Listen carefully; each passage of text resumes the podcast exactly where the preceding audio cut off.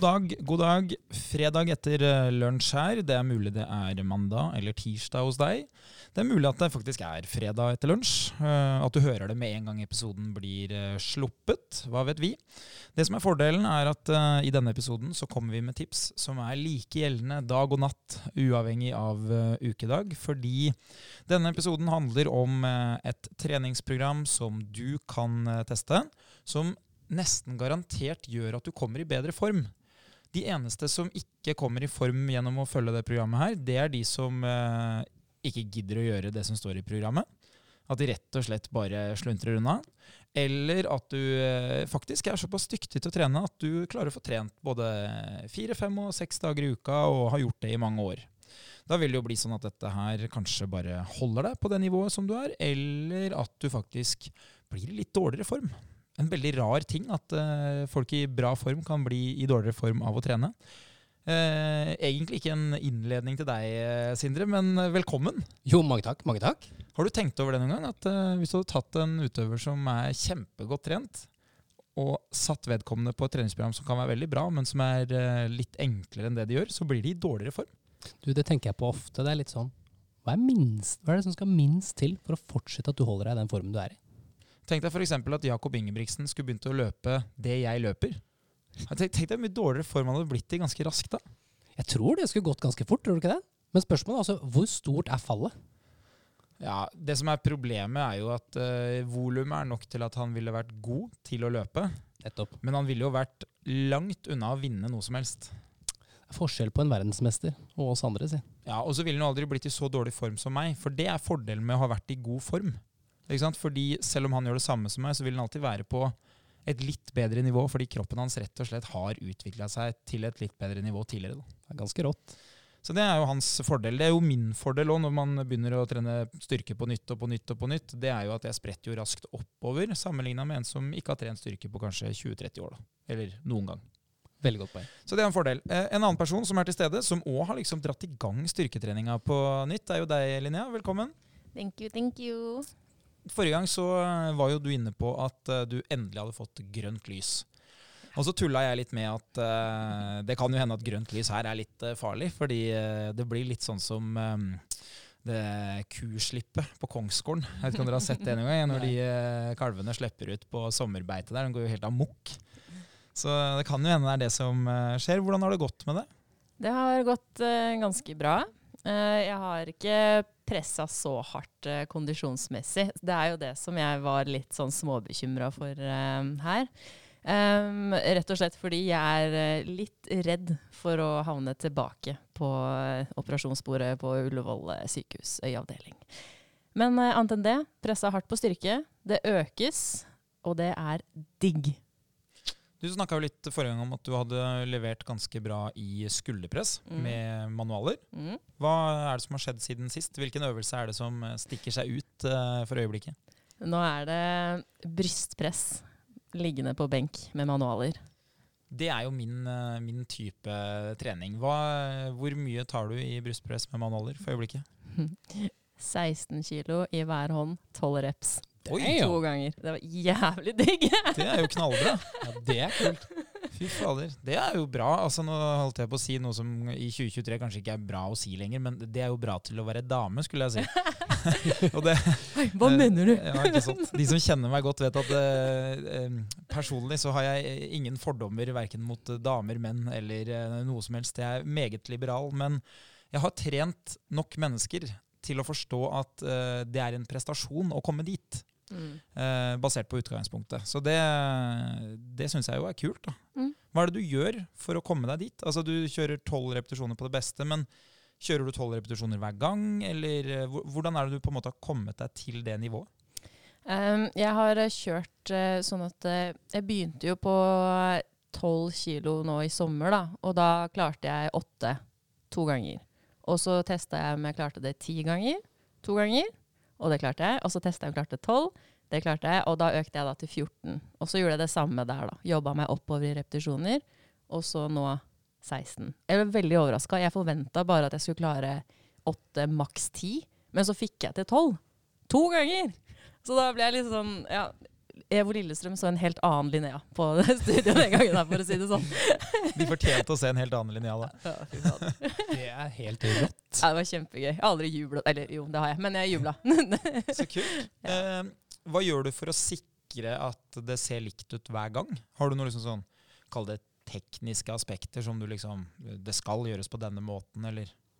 Ja, altså det er jo eh, Jeg gjør det jo alltid på et EVO-senter med benk. Um, og så sørger jeg for å gå dypt nok ned. Uh, at um, det er kvalitetsreps da, som jeg teller. Uh, for hvis jeg begynner å ta halvreps, da stopper jeg. Da teller jeg ikke det. Mm. Nei, for det er jo det som man kaller, altså Det kalles for å jukse, Mm. men sannheten er jo at det er jo det kroppen vil. Altså Når det begynner å bli for tungt, så ville det jo vært idioti å fortsatt utfor stupet. Ja, det er akkurat det. Så det er klart, hvis du har en som står bak deg, eh, eller altså hvis du har en eller annen person som, som sikrer, da, så kan du jo tillate deg det, for det medfører jo da mye lavere grad av risiko. Men det er klart, hvis du sier at det her ikke hadde vært med manualer, men med stang, så ville det jo vært ganske Jeg jeg vil jo si det hadde vært litt idiotisk å kjøre til du ligger der med stanga på brystet og ikke får fjerna den. Mm. Så sånn sett så, så skjønner jeg det. Men det er jo veldig kjekt, da, for det du beskriver er jo at du har kontroll. Da vet du at eh, helt ned til um, brystet og helt opp til strake armer, det er kriterier for at det skal være godkjent. Mm. Og da når du tar fler, så vet du at du har blitt sterkere. Exactly. Hva er veien videre nå, da? Veien videre øh, Fortsette å øke på brystpress. Målet er jo eh, 20 i løpet av januar. Det hadde vært dritfett. Eller februar, kanskje. da. 20 er kanskje litt ambisiøst. Men eh, jeg kjenner i hvert fall at jeg begynner å bli klar for 18 kilo. Eh, og så skal jeg jo fortsette med det her chins-prosjektet, da. Så eh, nå har jeg begynt å gjøre chins um, Hva heter det for noe? Jeg sitter Nei, jeg sitter ikke. Jeg står på huk da, med stang over huet. Og så gjør jeg chins med å ta i litt med beina istedenfor å bruke strikken. Ja. Hvis det gir mening nå. ja. Du kan hjelpe meg å forklare det her, kanskje. ja hvis, jeg, hvis jeg henger med altså hvor, uh, Hvilket apparat bruker du? Du gjør det i Squat rack. Så jeg står i squat Ah. racken, og så har jeg stanga um, høyere enn meg når jeg er nede på huk, så at jeg kan hjelpe til med beina opp. Ikke sant? Mm. Ja, Så du gjør egentlig en ganske spesifikk lik bevegelse, Akkurat. men du får avlasta litt av kroppsvekta gjennom at beina er i bakken. Mm. Aha. Fordi eh, opptaket til Forsvaret, så tar jo, herrer tar jo chins, og damer har noe som heter bomhev. Mm. Men det stiller jo krav om at du må ha rett kropp. altså Det er jo nesten litt sånn liggende roing. Ja. Eh, men jeg har jo gjort det du gjør nå hjemme, egentlig. Fordi der har jeg ikke eh, Der har jeg ikke stang som er høy nok til at jeg kan henge. Så det jeg har gjort der er at jeg har brukt knebøystativet, satt stanga øverst. Og så har jeg da eh, Jeg ser ut som en L, da. Altså hofta mi Mm. eh, er bøyd, sånn at beina mine er rette, og de ligger da på benken. ja. Og da kan jo jeg holde på å ta, ta kroppsøving eller chins eller eh, pullups eller hva jeg vil. Eh, men jeg må ta litt flere repetisjoner, fordi eh, en del av kroppsvekta mi hviler jo da på den benken. Men det gjør jo at jeg ikke trenger å forholde meg til at det er lavt. Eh, alternativet hadde jo vært å sitte i en eller annen buddha-stilling da, for å gjøre det samme, men etter hvert når du tar i alt du kan, så det er ikke så behagelig å krølle av bein. eh, så det er lettere å ha de sånn ut. Mm. Men um, når du kjører uh, to serier, hvis jeg skjønte deg riktig, yeah. hva, mm, på hvilket tidspunkt begynner du å måtte se på muligheten for å ha høyere volum? Altså at du må ha flere serier, eller legge til andre øvelser som ligner, eller eh, kommer du ganske langt selv om det bare er uh, to, to serier? Ja, jeg gjør jo det, for jeg trener såpass ofte at jeg ikke trenger å gjøre så mye hver gang. Men om det kommer en uke hvor jeg vet at jeg bare rekker tre økter eller to økter istedenfor alle fire, så må jeg jo legge til eh, et høyere volum for hver gang jeg trener. Det der er jo egentlig en sånn morsom uh, ting som man ikke ser hos så mange. Det er jo at man bruker uh, ukesbelastning istedenfor uh, øktbelastning. Øktbelastning er jo fornuftig å bruke for den som trener sjelden, så ikke det blir altfor stor overdreven belastning i dag. Men hvis du vet at gjennomføring ikke er et problem, så er ukesbelastning mer fornuftig. Og det er jo det løpere bruker, f.eks. De ser på hvor mye tåler jeg i løpet av uka. Eh, ikke liksom i den eh, spesifikke økta. Eller du kan da du kan tillate deg å ha mye lavere belastning internt i hver økt fordi volumet i seg selv er høyt nok. da. Hva med deg, Sindre? Hvordan går uh, styrketreninga uten bein? Blir sterkere i overkroppen. Det er jo litt morsomt å kjenne på den mestringsfølelsen, men uh, savner man å løpe litt? Det trodde jeg aldri jeg skulle si høyt. Men her er vi, da. Det hadde vært gøy å løpe noen lange drag, folkens. Du måtte et beinbrudd til før du skjønte det? Ja. Hva, hva er veien videre for dette beinbruddet? Er det, går det bra, liksom? Ja, ja, det går kjempebra. Altså, det er jo ikke noe, for å være helt ærlig, ikke noe smerte. Så det det går til, er jo at man bare går og kjeder seg litt. Og da har jeg skjønt det som jeg skjønte for veldig mange år siden. Det er at eh, hvorfor ble jeg egentlig PT? Jo, så jeg kan se andre mennesker lykkes. Og akkurat nå så er det morsommere å følge opp de andres treningshverdag enn det det er med min egen. For den er litt sånn tradisjonell gutt 16 nå. Det er mye overkropp. Du har et eget bicepsprosjekt, gutt 16. Det er ikke så voldsomt langt unna. Altså, jeg lurer på hvor mange år siden jeg har kjørt egen armdag. Armdag, ja, det, det føler jeg er sånn periode i livet. Uh, og jeg blir alltid ehm, Jeg syns alltid det er veldig spennende å høre om når jeg møter uh, menn som er si ti år eldre enn meg, som har armdag. Liksom, hvordan endte du der? Det er jo en grunn til at de fleste ikke har det. Det er jo fordi de ikke har tida til det eller ikke gidder å prioritere det. Men jeg møter av og til voksne folk som har egne armdager, og det syns jeg alltid er litt sånn Det er litt artig, faktisk. Jeg syns jo det er litt artig sjøl. Jeg står og ler av meg selv. Altså, det er veldig mange år siden. Nå dømmer jeg ingen som liker å trene mye armer. Altså. Det er jo absolutt kult å ha litt guns, men det er mye arbeid man skulle måtte gjøre. Eller veldig lite arbeid, egentlig, for å gå på trening. Ja, Det som er grunnen til at vi ler litt av det, er jo fordi at i vår uh, veldig sånn treningsrelaterte verden, da, hvor man liksom uh, prøver å bruke fornuft i alle avgjørelser, så er det jo klart at uh, for å komme til det punktet hvor det å sette av en dag for å trene armene er fornuftig, så bør du jo trene ganske mange dager i uka. Altså, jeg ville tenkt sånn at da er vi oppe på det vi gjerne kaller som tresplitt eller mer. Og da må du liksom minimum trene styrke kanskje seks dager i uka. fordi hvis du begynner å dele opp kroppen og sier at ok, mandager det er armdag. Hvis du da trente bein søndag, så eh, har du på en måte tatt en dag hvor du ikke trener bein. Så da må du trene bein igjen dagen etter, og så har du jo en hel haug med andre muskler i kroppen. Så man skjønner ganske kjapt når man liksom prøver å sette opp en treningsuke, at det å ha en egen armdag, eh, da blir det mye trening. Om det blir. Eller så kan du drite i den andre treninga selvfølgelig og bare trene armer, men det ville jo vært litt rart det òg, kanskje. Ender opp med å se ut som skipperen etter et halvt år. Så vil jo sikkert armene se større ut, da, fordi resten av kroppen er så tynn. Ja. Som for øvrig er grunnen til at jeg ikke kjører eh, knebøy. Tok du den?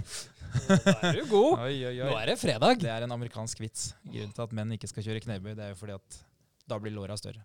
Nå, nå tok du nå. Nei, det er fredag. Det er litt uh, guttastemning her nå. Ja, ja. Sånn skal det være. Vi uh, har uh, en plan i dag om å tilby et treningsprogram som veldig mange kan bruke. Vi har egentlig samkjørt oss litt. da. Jobba ut liksom, øvelser og oppsett som vi, vi mener er bra. Så er det jo selvfølgelig sånn at du må alltid fjerne mye du tenker kunne vært smart å ha med for å komme fram til et sluttprodukt. Og vi vil at det skal passe for de fleste, og vi vil at det skal gi effekt. Så Yes. da, da har vi noen ulike premisser. Så hvis du lurer på hvordan det treningsprogrammet ser ut, så må du følge med straks.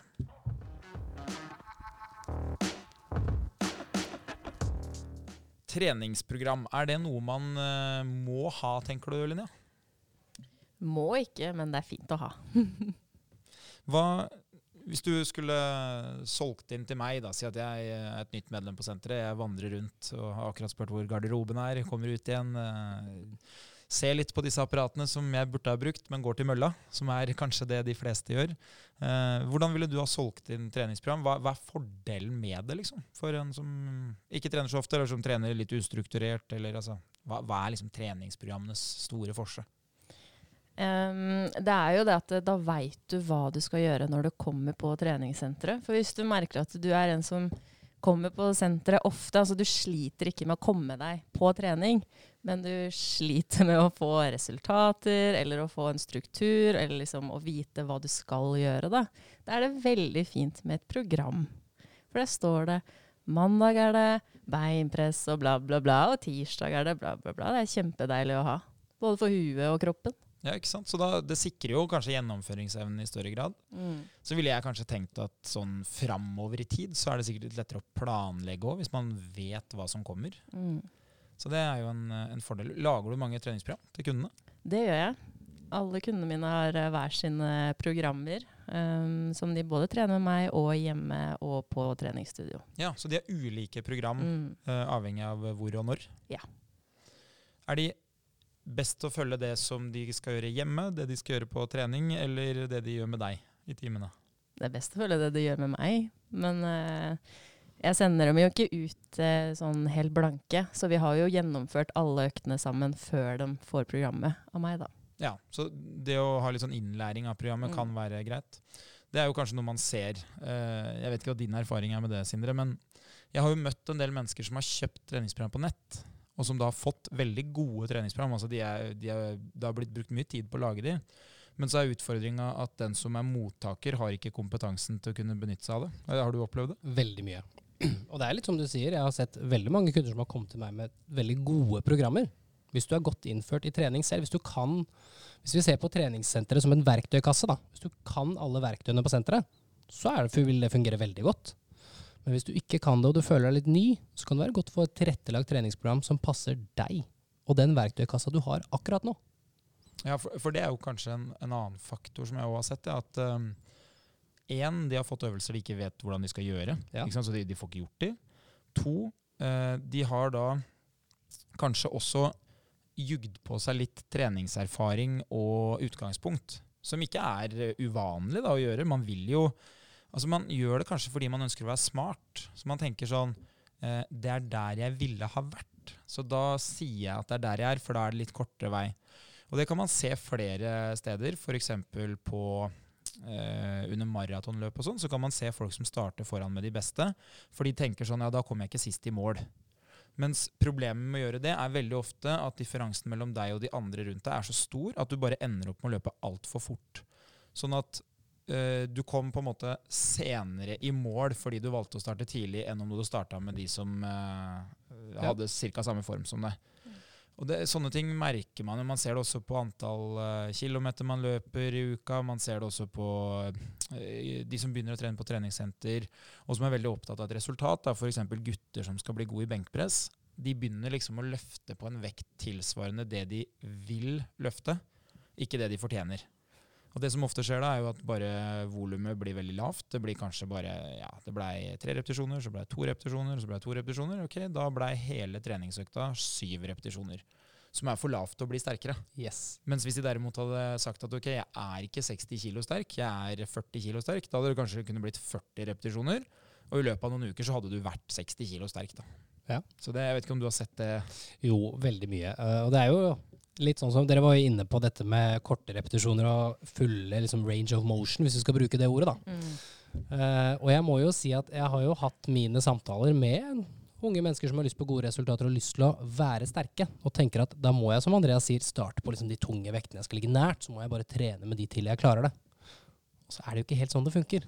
Fulle repetisjoner som kanskje ikke like, føles like tøft, fordi det er ikke den vekta du har lyst til å ligge på. Men som Andreas er inne på, da, det er den vekta du fortjener å ligge på i dag. Hvis du er litt tålmodig og jobber litt iherdig, og har litt struktur, sånn som du også er inne på, Linnea, så kan det bli, gå ganske fort, altså. Mm. Jeg um, driver og ser litt på det treningsprogrammet som vi skal ha. Vi har jo prøvd å gjøre det sånn at det skal være mulig å huske det. Så det vi har sagt, det er et, eh, et 3-10-3-10-program. Og hva betyr 3-10-3-10? Jo, det betyr da at det er eh, tre serier ganger ti repetisjoner. Tre ganger i uka ganger ti uker. Perfekt. Ikke sant? Så det er litt lettere å huske det når det er 3-10-3-10. Eller 30-30. 30-30, Ja, folkens. ikke sant? Så jeg skal gjenta det jeg sa. Jeg skal da si at det er tre serier, altså tre runder. Ti repetisjoner, altså antallet ganger du gjør bevegelsen. Og så skal det gjøres da tre ganger i uka. Og så skal det gjøres i ti uker. Så det betyr at hvis man regner seg bakover her, da, så betyr det 30 treningsøkter på ti uker. På 70 dager. Det betyr også at du gjennomfører 30 eh, repetisjoner, altså 30 bevegelser, per gang du trener, som blir 90 totalt. Og eh, en ting som jeg tenkte på i stad, Linnea, når du sa at du kjørte bare to serier, men at du trente hyppig nok til at eh, det var greit, det er jo en sånn måte å regne på. Da regner man antall serier per uke. Og da ser man at ja, Hvis man trener hyppig, så kan man jo tillate seg å ha færre serier, fordi totalantallet per uke ble høyt nok. Og, og det å ha da eh, så mye som eh, ni eh, serier er egentlig mer enn nok til å skape god muskelvekst. Og spesielt 90 eh, repetisjoner. Da. Det er jo også mer enn nok. Så det er oppsettet. Også for å gjøre det enkelt, så har vi jo da valgt å holde antall øvelser nede. Men vi må ha et visst antall, så vi har da valgt seks øvelser. Det er det vi mener at kan forsvares i minimum. Og det handler ikke om øvelsen i seg selv, men det handler jo om hvor stor andel av kroppen du klarer å trene. Så kunne man jo lagd seg noen sånne sirkusøvelser. Nå setter jeg det litt på spissen, men eh, CrossFit for eksempel, har jo en del øvelser som er veldig geniale for den som er godt trent. Der har man jo um, for f.eks., som er knebøy og skulderpress i samme øvelse. Men det som er min erfaring med en sånn type øvelse, det er at for de som ikke har trent så mye, så blir det veldig vanskelig teknisk. Det blir også veldig sånn tungt intensitetsmessig. Så det er en kjempebra øvelse. Det er jo noe veldig mange burde ha brukt øh, og gjort litt sånne sammensatte øvelser. Men eh, det er ikke alltid det smarteste som et innsteg til styrketrening. Så hvis man liksom er på det nivået at man tenker at jeg har lyst til å prøve treningsprogrammet, men jeg har trent en del, da gjør du sånne valg. Det, det syns jeg er kult. Da kan du gjøre det. Men hvis du tenker nå jeg har ikke trent på to år, så ville jeg i hvert fall tenkt prøv å holde intensiteten nede, fordi styrketreninga i seg selv er tung nok. Helt enig. Mm. Bra sagt. Hva tenker du om oppvarming til det programmet, da, hvis vi tar det før vi uh, går i gang? Jeg vil jo anslå tid på det programmet her. Uh, jeg, tror du kommer til å ha en ganske trivelig gjennomføring hvis du bruker 30 minutter. Ja, det tror jeg skal gå ganske så greit. Ja. Jeg ville tenkt det at uh, de gjør seks øvelser. Da har du fem minutter per øvelse. Ja. og du skal kjøre tre serier, som betyr da egentlig at du kan kjøre ett minutt, ta ett minutt pause. Ja. Så, så da, når man begynner å regne sånn på det, så tenker man at det, det kommer ikke til å bli så hardt. altså. Og så vet jo vi at det ofte blir sånn kortere pause mellom, og så blir det en lengre pause når du først begynner å kjenne på det. Men en halvtime, da har du nok god tid, altså. Ja, det vil jeg tro. Nei, Så jeg ville nok starte oppvarmingen personlig. Kan ha det med noe med disse preferansene om at jeg savner å løpe, folkens. At jeg ville starta deg på en tredemølle. Satt den i en sånn middels høy fart. Ikke sånn at du skal løpe, men at du blir litt varm i kroppen. Gjør det gjerne i ti minutter. Kanskje sett den litt i motbakke også, så du får opp pulsen litt. Men det skal ikke være så mye at du blir ordentlig sliten. Du skal bare bli litt varm i kroppen. Ja, ikke sant. Men kan man også variere det med kanskje sånn ellipse eller Linnea, det er klart vi kan. Altså, du kan få lov til å bruke ellipsa meg. Du kan bruke den romaskinen. Den oh, eller, og da bare spesif spesifiserer jeg. Romaskinen, som er et kondisjonsapparat, folkens. Ikke den med kabel og sånn? Og magasin? Og... Nei, nei, nei. Okay, Her er det en innstilling fra null til ti. Ja, okay. jeg, eh, jeg, gir disp til å varme opp i den. Hvis du setter på det letteste der og kjører et rolig kvarter i den, så det hadde jeg applaudert hvis jeg hadde sett, faktisk. Det er det jo perfekt. Og det siste vi mangler da, det er jo denne skimaskinen. Den ville også fungert ganske godt. Mm. Nei, men det er, en, eh, det er en god start. Hvor lenge tenker du? Jeg tenker en ti minutters tid. Fem til ti minutter. Kjenn at du blir litt varm i kroppen. Så blir nok det ganske bra. Ja, Så det er, det er minimum. Uh, hvis du tenker at uh, ok, når jeg først er der, jeg skal bruke en halvtime på det her, skal bruke ti minutter på å varme opp, jeg har lettere for å få trent når jeg først er der, enn om jeg skal legge til flere dager. Ja. Hvis du får 20 minutter av meg, da, sånn at økta blir en time, hva vil du bruke de 20 minuttene til? Veldig godt spørsmål. Får jeg da lov til å splitte denne kondisjonsdelen litt? Til før og etter trening? Holdt jeg på å si? Før ja, ja, ja du får, du, det er du som bestemmer. Jeg bare tillater deg ja, å komme med forslaget. Det er jo helt nydelig. Du sa ca. 30 minutter på styrken, gjorde du ikke det? Jo. Da tenker jeg at vi bruker ca. 10 minutter på oppvarming. Og så avslutter vi med kanskje 15 minutter med litt tyngre kondisjonstrening. Og da vil jeg at du skal bli litt sliten når du holder på. Skal, jeg vil at du skal klare å holde det sammenhengende i 15 minutter. Men jeg vil at hvis du gjør det med en partner, så skulle det vært så tungt at du og jeg, Andreas, vi kan prate i korte trekk. Så hvis du nå stiller meg spørsmål, så kan jeg si ja, nei, men jeg klarer ikke å utdype en hel setning. Bonde til H12, sjakkmatt. I korte trekk. Ja. Eh, det høres fornuftig ut. Ja, men Så bra. Eh, også, når vi snakker om sjakk, så jeg har heller aldri skjønt hvordan det er mulig å tape med en gang. Men eh, det har jo, hvis du setter på vanskelige innstillinger på sånn sjakkspill, så gjør man jo det. Det er helt sjukt. Så det, det, det, hadde ingenting med det å gjøre. Men det er bare en, en, ting jeg har følt litt på. At det er faktisk mulig da å tape før du en gang skjønner at du har tapt. Men, men, det er vel litt sånn som å begynne maraton på 'jeg skal løpe like raskt som de raskeste', og så er jeg ikke i nærheten i det hele tatt. Så begynner du første ti minuttene, så bare mm. Da var det ikke noe mer enn de ti minuttene, nei. Ja, det kan jo hende en del faktisk passerer énkilometersmerket og tenker at de er sjakkmatt. Ja. Det, det kan hende. Det er jeg enig i. Det hadde vært meg. Det, er- det fins jo en del optimistiske mennesker som har lav respekt for eh, utfordringer. Det, jeg har jo opplevd det. At noen tenker at ja, ja, det må jo gå greit. Og så Det hender jo de får seg noen tøffe opplevelser. 1. januar, jeg skal trene hver dag. Ja, de Jeg har ikke trent på fem år. Det er et særnorsk fenomen, det å drive og kjøre sånne der eh, nyttårsforsetter. Jeg tror vi er i verdenstoppen på det, faktisk. Ikke at jeg skal avspore for mye, men det mener jeg leste. At nordmenn er i verdenstoppen på å sette seg nyttårsforsetter. Det er deilig. Det, vi oppfordrer jo alltid til å trene jevnt utover hele året. Det hadde jo vært mye smartere, men eh, det er jo tydeligvis et eller annet vi vil da, i januar der. Jeg ville jo tenkt at det hadde jo vært mer naturlig at alle eh, Altså alle mann til pumpene i, i august, når det var fint vær ute fortsatt. Og Helt enig. Mye lettere å komme i gang enn når det er møkk, skikkelig kaldt og mørkt. det er vel fordi at samvittigheten er på det laveste kanskje etter julefeiringa. Jeg vet ikke. Masse god mat og julefeiring. Ja, bare masse kos. Ja, da, er det, da sitter det på samvittigheten der, altså. Så det vi har nå, da, vi har ti minutter oppvarming.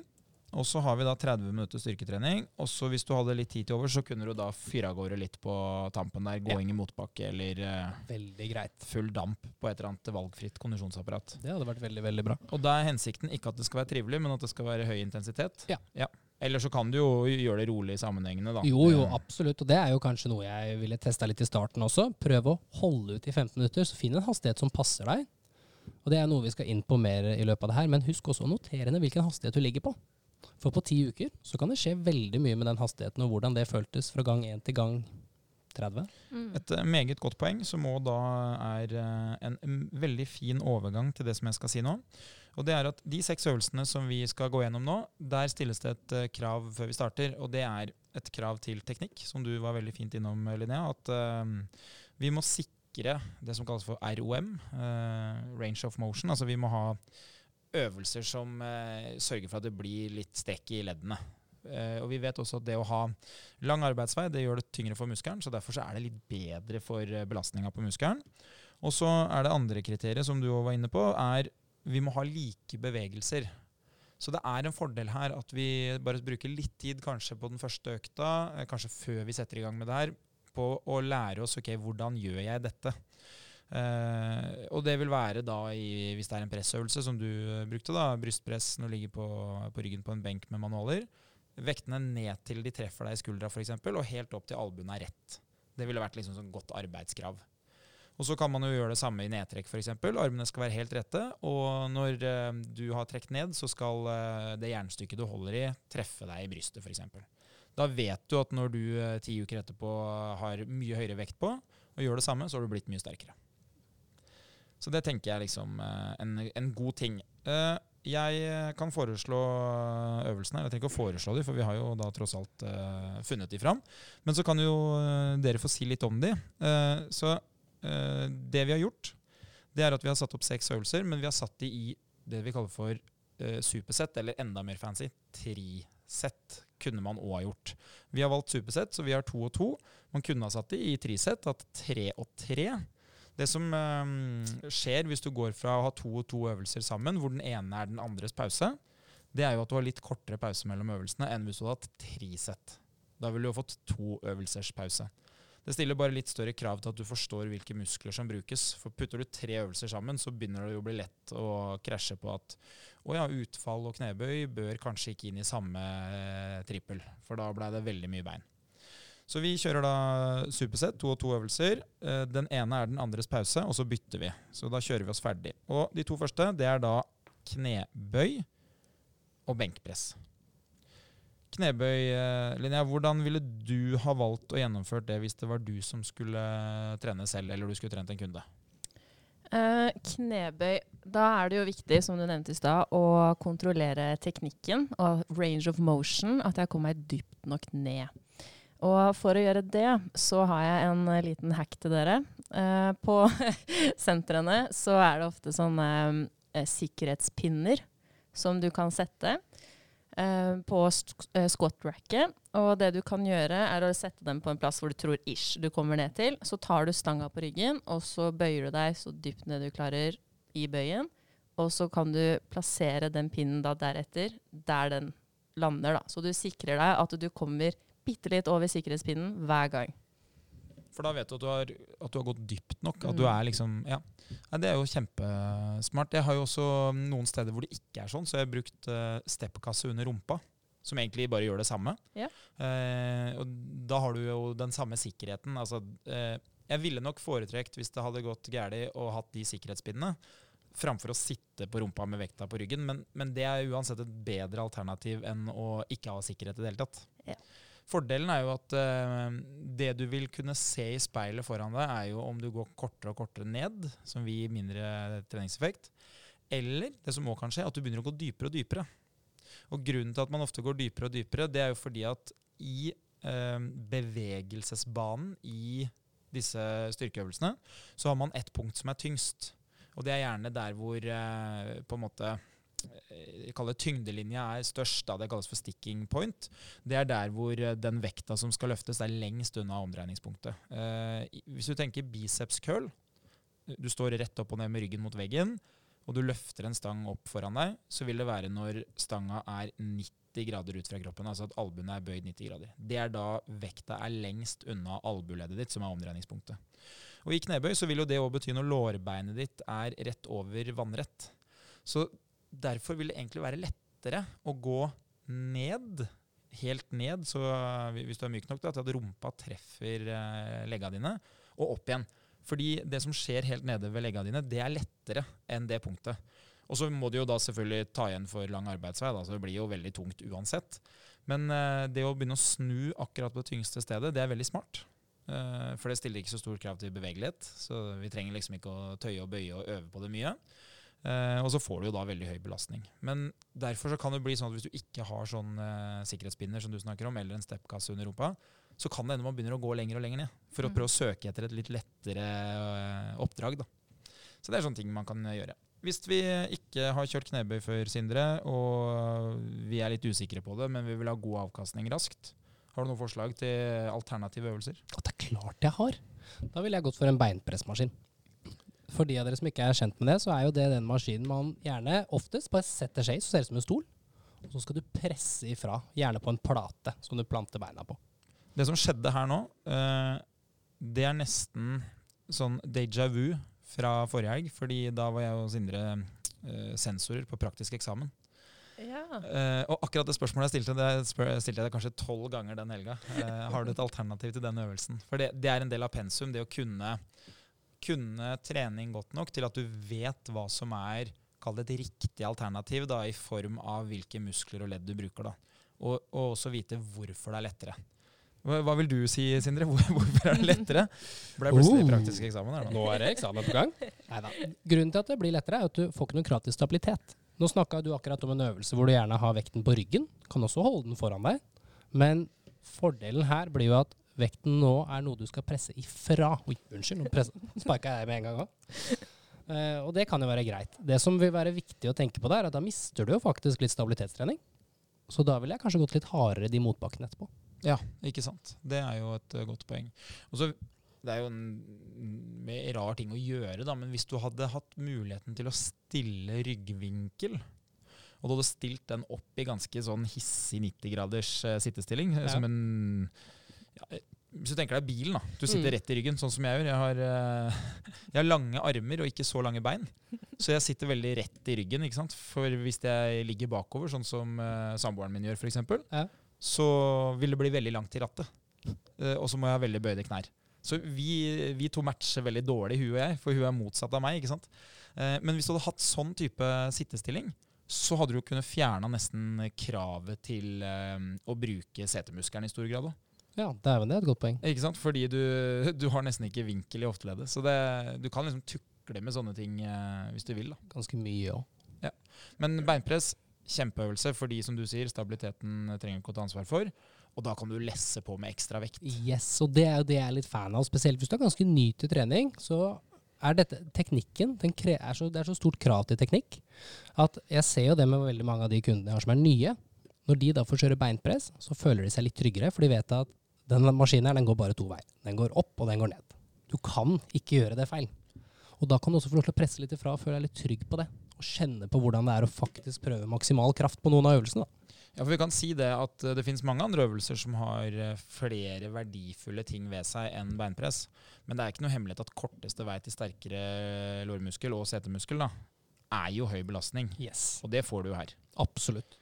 Så sånn sett så kan det, være, kan det være smart. Samtidig så er det også en øvelse hvor det er litt enklere å ha kontroll på progresjonen. For du skal begynne med knebøy, så er liksom oppstartsvekt det er kroppsvekt. Ja, og det som også er veldig fint med mange av de beinpressapparatene, er at du kan stille inn setet, så du kommer deg dypere.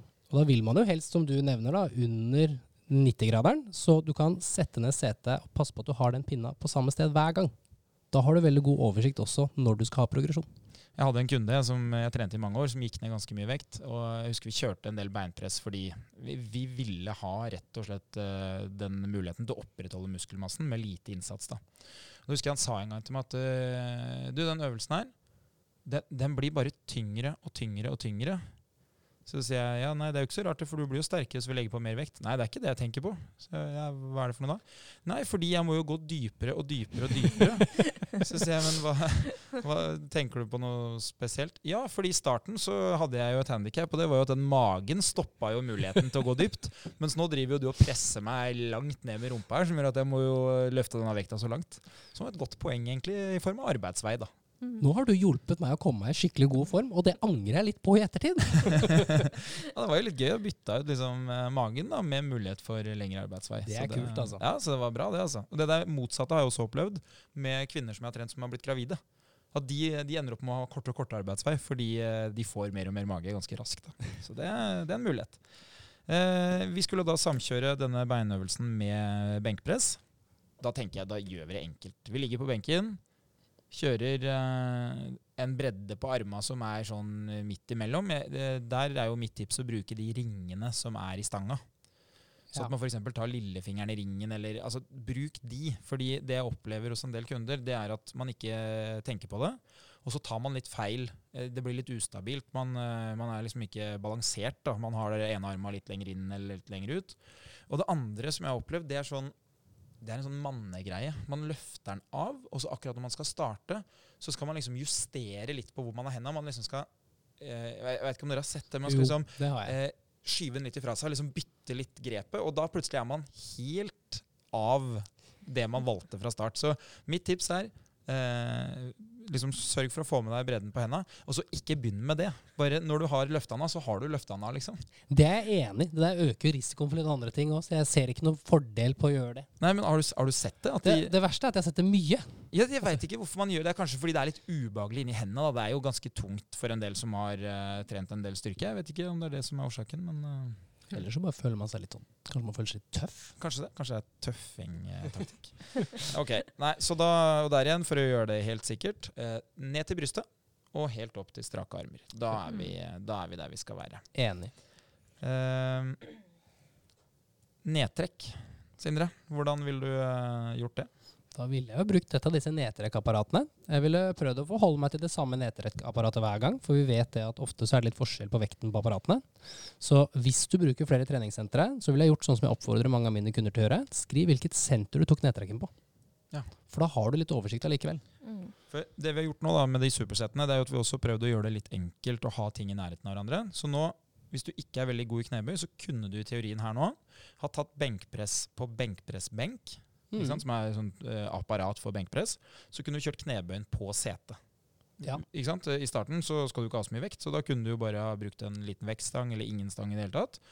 Og så når du da er ferdig med Det blir jo sånn her, da. Du starter med én serie knebøy, ti repetisjoner. Én serie benkpress, ti repetisjoner. Og så går du sånn fram og tilbake til du har tre av hver. Ja. Then you're done. Mm. Og så vil det selvfølgelig bli sånn her at hvis du begynner å bli skikkelig sterk etter hvert, så ville jeg kanskje ha lagt til en ekstra runde for å få litt oppvarming. Så hvis du er god for 60 kilo i begge, så ville jeg kanskje kjørt 30 kilo i runde én og hatt fire runder isteden. Ja. Ja. Så da, når vi har kjørt tre av hver, så legger vi de bort. Da er vi ferdig med de. Da går vi rett videre til nedtrekk, som du beskrev. Og så kjører vi det sammen med skulderpress. Og da kan du i teorien, hvis du bruker manualer, kjøre skulderpress sittende på det samme setet som du har når du kjører nedtrekk. Den er lur. Ja, det, dette her er supersett-triks. Mm. Hvordan ville du gjort eh, skulderpress, Linnea? Du som faktisk eh, har litt eh, trøkk der om dagen. Skulderpress eh, Så hadde jeg stått ved siden av Eller hadde jeg vært med nedtrekken, så hadde jeg nok eh, kjørt eh, stående eller sittende. Altså, det varierer jo, da. Men ja. Hendene på siden av skuldrene. Jeg tar dem litt inn, så får jeg en liten vinkel, så slipper jeg å få det helt utpå der og risikere å begynne å svunge, som jeg sier, da, i bånn. For det er ofte sånn at man, hvis man har den for langt ut, at man begynner å trekke inn brystmuskelen også, for da svunger du i bånn, og så er du oppe på toppen. Men at du heller konsentrerer deg på å dytte opp og rolig kontrollert ned foran skuldrene. Smart. Jeg pleier å si at uh, husk på vei opp at du skal ha de ved siden av øra. Ja. For, for, det er ofte sånne ting at man har så lyst til å komme foran eller lenger ut. Og så er det jo et tips til. Det er jo å kanskje i starten sitte ved siden av et speil. Ja. Fordi i hvert fall min erfaring det er at når man tror man er rett, så har man gjerne 5-10 cm igjen før man er det. Som skaper bare veldig stor belastning på forsida av skuldrene når du eh, skal drive og holde den vekta litt sånn utfor kanten uh, foran deg. Mm. Vi gikk vel ikke inn på hvilken bredde vi skulle ha på nedtrekkene heller, gjorde vi det? Nei, det kan vi jo se på, for nå, eh, nå var vi jo liksom enige om albuene litt fram her. Da får Ja. vi litt mer jobb for forsida av skuldra. Ja. Hadde vi hatt albuene helt ut, så hadde vi jo vært liksom mer midt på skuldrene i, i skulderpressen. Så da kan vi jo ta bare kjapt hvordan type grep, da, som det heter på fagspråket. Det er jo en haug med forskjellige sånne forskjellige stenger du kan bruke. Jeg ville forholdt meg til den som er ganske bred. Den normale som gjerne går ganske sånn, jeg håper å si det blir horisontalt, og så knekker den litt i bånn, eller på siden. Mm. Da ville jeg holdt rett før knekken. Så du holder relativt bredt, men ikke for bredt. Og gjort det så enkelt, altså. Ført den til under haka, og strekt godt ut på toppen. Ja. Ikke sant? Så, da, så lenge vi er enige om at den skal ned til brystet og opp igjen, Ja. og at vi holder samme bredde hver gang. Det er nok det lureste. Fordi hvis du setter ytterpunktene her, da, hvis du sier at du eh, i dag gjør det med håndflatene fra deg, Ja. eh, med bredde, og så kommer du tilbake neste gang og gjør det med håndflatene mot deg, med mye smalere bredde, så vil det bli mye lettere. Og det skyldes bare at da har du begynt å tillate at eh, bicepsen din kan hjelpe til veldig mye. Så det er en sånn viktig ting at du må gjøre det likt hver gang. Men hvem av de du velger, er egentlig ikke så veldig farlig. Du kunne også holdt smalt. Altså ja, ja, ja, absolutt. Så vi bare, vi bare setter en standard som gir litt mer ryggjobb, egentlig. da. Ja. Og så er det fordi at vi skal ha en trekkøvelse til, så det er litt sånn smart å ikke bruke opp bicepsen og grepet på det. Så da har vi de to, og da sier vi at vi kjører tre av hver, og så går vi fra det apparatet. Så slipper vi liksom å være redd for at folk skal stikke av med apparatene i pausen, for det vet vi er et problem når det er mange andre som trener òg. Så da velger vi de siste to, og da skal vi ha sittende roing. Vi eh, har valgt å sitte for å slippe unna litt andre elementer. Er det en øvelse du pleier å bruke selv, eh, Linnea? Absolutt. Uh, sittende roing er jo ganske viktig i min eh, vei mot enskinn. jeg må jo bli sterkere i eh, både biceps og rygg. Så da er jo det et helt uh, ypperlig apparat. Så jeg gjør jo den både med én og én arm og med begge. Ja. Mm. Hva, hva føler du er liksom forskjellen på å gjøre det med én arm og begge? Hva, siden du tar deg tida til det, liksom? Jeg føler at når jeg tar det med én og én arm, så kan jeg på en måte justere meg litt mer. Så jeg kanskje får bitte litt mer strekk på um, den brede ruggmuskelen. Ja, det er, jo, det er jo det som må være, som jeg ser det, da, det er jo det som må være avkastninga. mm. Uh, og så bytter du jo selvfølgelig bort da mer arbeidstid. Ja. Men, men det er jo, altså, trener man mye, så er jo det som regel noe man er innforstått Ja. Det er, ikke, det er ikke fort ferdig som er eh, oppgaven hvis man er glad i å trene styrke. på en måte. Så, Mm.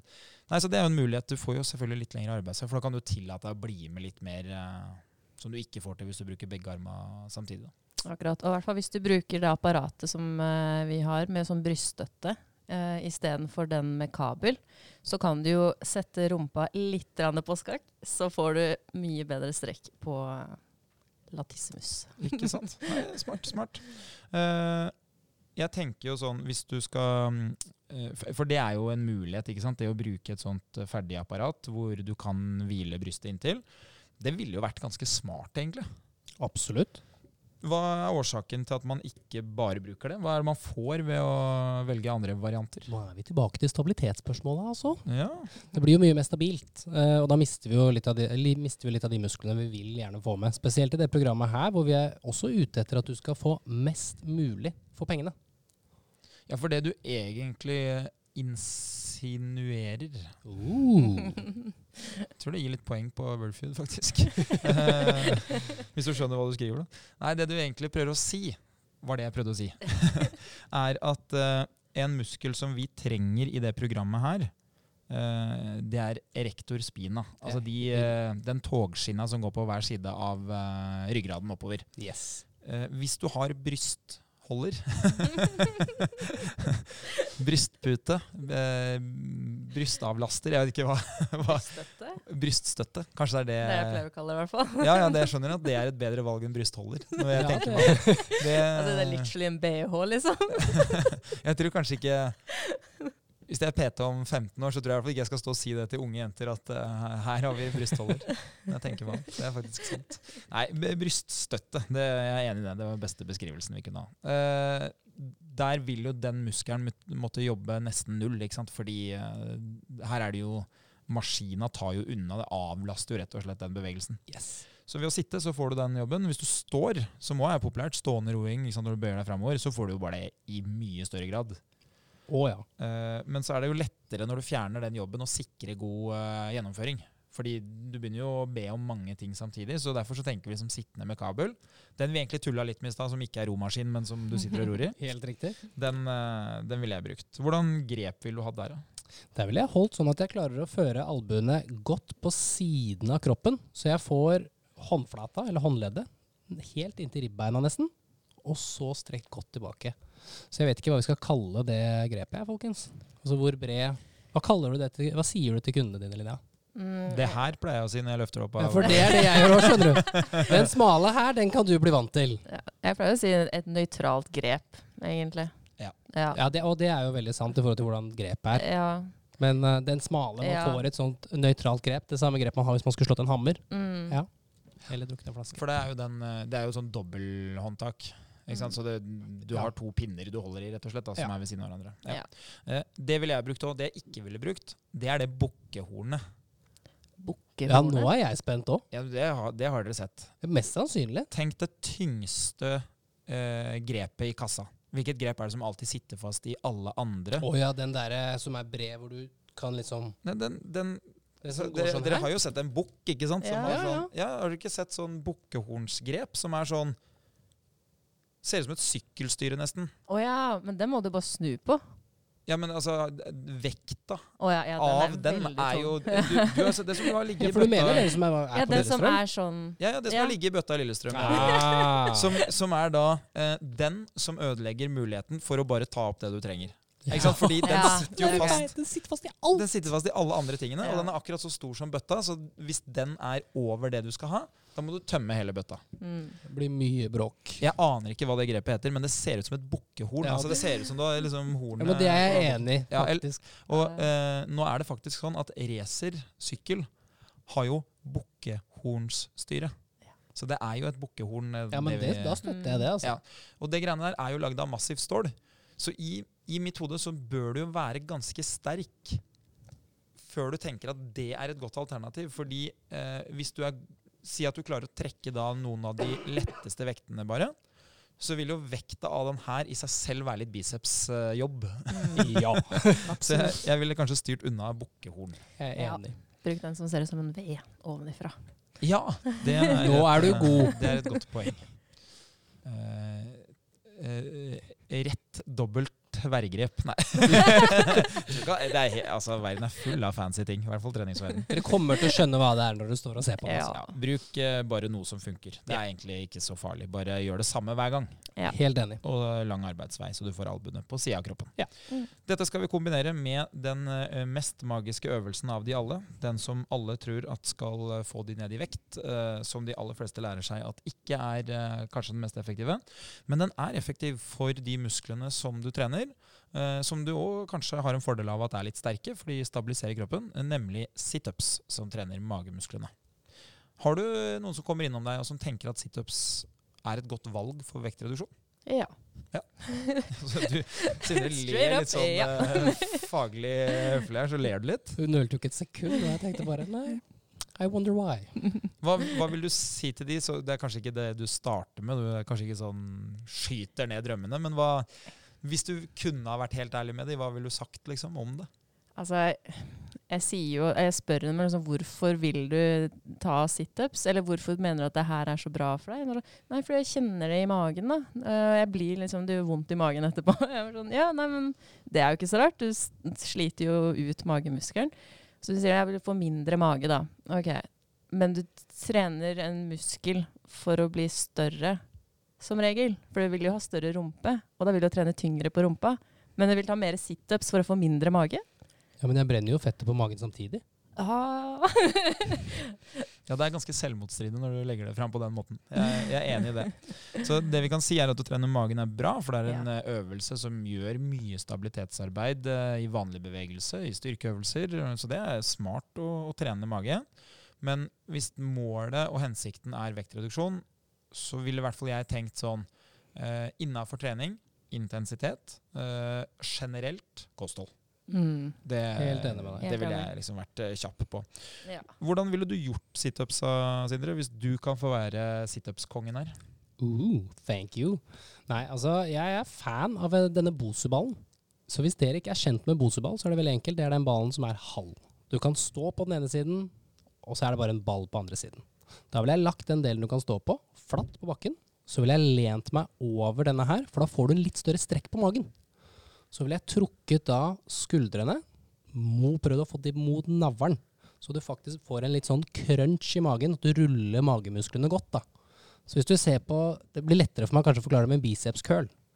Hvis du skal trekke albuen sammen, så vil du gjerne føre den helt inntil skulderen. Og Det samme vil vi også når du trener magen. Så Da vil du få, prøve å få skuldrene mot navlen, for da får du strekt den eller rulla godt på magen. Ja, og hvor, hvor langt fram tenker du at man skal gå? Eh, hvis jeg skjønner deg nå, så sitter du da sant, med rumpa på den ene sida nesten. Ja, Lener deg bakover, så når du har svairygg, så svaier du rundt den der halve ballen. Veldig bra. Hvor, eh, hvor langt fram tenker du at vi eh, Kommet meg så godt opp at du kjenner at nå har jeg på en måte, nå har jeg lokka magen nok, men jeg ville ikke gått videre forbi det. For det er jo det veldig mange gjør, at man tar en situp, så går man helt opp til man ser man har jobba med magen, og så fort, ja, så, fortsetter man. så egentlig bruker hofteleddsbøyerne Ja, til å helt riktig. Ja, Det er ikke nei, noe men, feil i det heller, altså. Nei, den ser jeg. Og Derfor så kan det være smart å ha litt bøy i knærne òg, så slipper Ja, man at det blir bare hofteleddsbøyerne. Helt riktig. Mm. Smart! Det er jo problemet med den øvelsen hvor du er helt rett, hvor du løfter beina. Ja. Ja. Så veldig mange tenker at uh, dette er bra magetrening. Og det er det jo, men i, i stor grad så er det hofteleddsbøyerne som òg gjør en jobb der for å lukke igjen hofta. Får nok kjørt seg en god del med, tror jeg. Ja, ja, ja. Ja. Iliopsoas. Ja. Kult navn. Ikke like kult som ravnenebbsmuskelen, som er ene gripemuskelen på hånda på norsk. Norske navn på muskler. En gang til. Ravne. Nei, Ravnenebbsmuskelen. What? Ja, ja, Hvor, ja. hvor er vi der? er- Sagtaggmuskelen er jo Sagtag Sagittar. Ja, jeg tror det. Ja. At det er eh, Faen, nå vil jeg lære meg er musklene på norsk. brystet. Ja, dette var jo mye kult. Ja, ja, det er, jeg hadde mye av det skjønner du, når jeg gikk på skolen. Jeg bruker det jo aldri, da. Så det er jo derfor jeg bare kan de artige de, De, altså, de, de som jo- setter spor? kan jo liksom store brystmuskler og brede ryggmuskler og sånn. men det er jo veldig mye lettere beskrivelser. Selv om kan du latin, så er jo sikkert de latinske beskrivelsene veldig intuitive, tror jeg. Ja. Ja. Men for meg som eh, kan noen få latinske navn som ikke er navn på ting på kroppen, så er det ikke så lett. Mm. Eh, Men de er morsomme. F.eks. ludo. Nå tar jeg det her ut av huet, altså, så det, hvis folk har lyst til å sende inn eh, at det er feil. Ludo tror jeg er 'jeg spiller'. Volvo tror jeg er 'jeg ruller'. Jeg tror det er verb på latin. Seriøst? Mista jeg akkurat all respekt for ludospillet. Hva skal du spille? Jeg skal spille, jeg spiller. eh, Jeg tror også, jeg tror også Opel baklengs. Lepo tror jeg er rust. Nei! Ikke god markedsføring for Opel, i hvert fall. Nei, jeg, tr jeg tror det er verb, altså. På, jeg tror det er sånn uh, ludo. Og lotto er sikkert et eller annet. For jeg tror jo det er ikke tilfeldige navn. Det er, Mm. det er jo fra latin. Stam- Det er, ja. Tror jeg. Så det, det kan jo bare være ljug, det jeg sier nå. Men det har jo bidratt med litt underholdning, i hvert fall. jeg skal sjekke det opp. Ja, men Sier vi oss fornøyd da med en knebøy sammen med benkpress, en nedtrekk sammen med skulderpress, sittende roing sammen med situps, og så er det da 3-10, 3-10. Og da mener jo vi at hvis du har litt fart på dette her, så tar det jo mindre enn 30 minutter. Men du kommer til å ha litt høy intensitet. Hvis du legger til litt eh, trening før litt trening etter, har en god time der, så får du en bra effekt. altså. Det hadde jo vært veldig gøy om en av dere som lytter nå og tester programmet, holder oss litt oppdatert. Så vi får se litt på progresjonen. For det er jo alltid morsomt. Ja, og jeg kan jo si det sånn at det som jeg har trent nå i de siste ukene, det er jo dette volumet. Det er jo ganske mange av de samme øvelsene. Jeg gjør knebøy, jeg gjør pushups istedenfor benkpress. Eh, så gjør jeg um, pullups istedenfor nedtrekk. Og så gjør jeg skulderpress, eh, og så gjør jeg stående roing, og jeg gjør en form for situps. Så det er, det er dette programmet nesten jeg gjør på egen hånd nå, altså. Og til de, til de som kan liksom litt fag, eller som lurer på, som jobber som PT og tenker hvordan kom dere fram til det her, så er oppsettet egentlig ganske enkelt. Vi har én eh, vertikal press- og trekkøvelse. Vi har en horisontal press- og trekkøvelse. Vi har én bein, og vi har én mage. Så det vi ikke har med her, som er veldig fristende å ta med, det er jo f.eks. type markløft som gir stor belastning på ryggen. da. Yes. Men vi håper jo at litt knebøy med stang på ryggen uh, gir den effekten, uh, og at sittende roing etter hvert gir den effekten. Så det, det, er jo for- og ulemper med å kutte ned til seks øvelser, men vi vil ha gjennomføring. Det er på en måte det som er årsaken.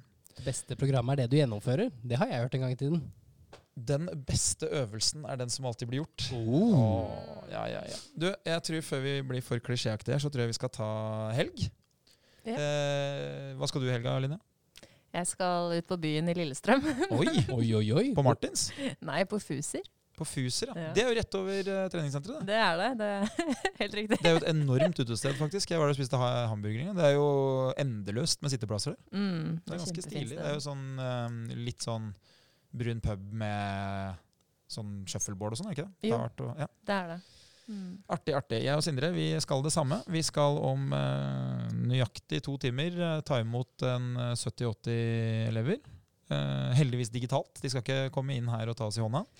Eh, og de skal vi da rett og slett lære opp i PT-rollen. Hvordan de skal lykkes som personlige trenere. Det er da fredag kveld, lørdag og søndag. eh, Totalt et par og 20 timer.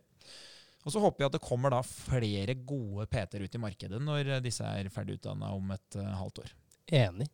Det blir bra. Det blir veldig hyggelig. Ja, jeg gleder meg. altså. Det er alltid morsomt. Mm.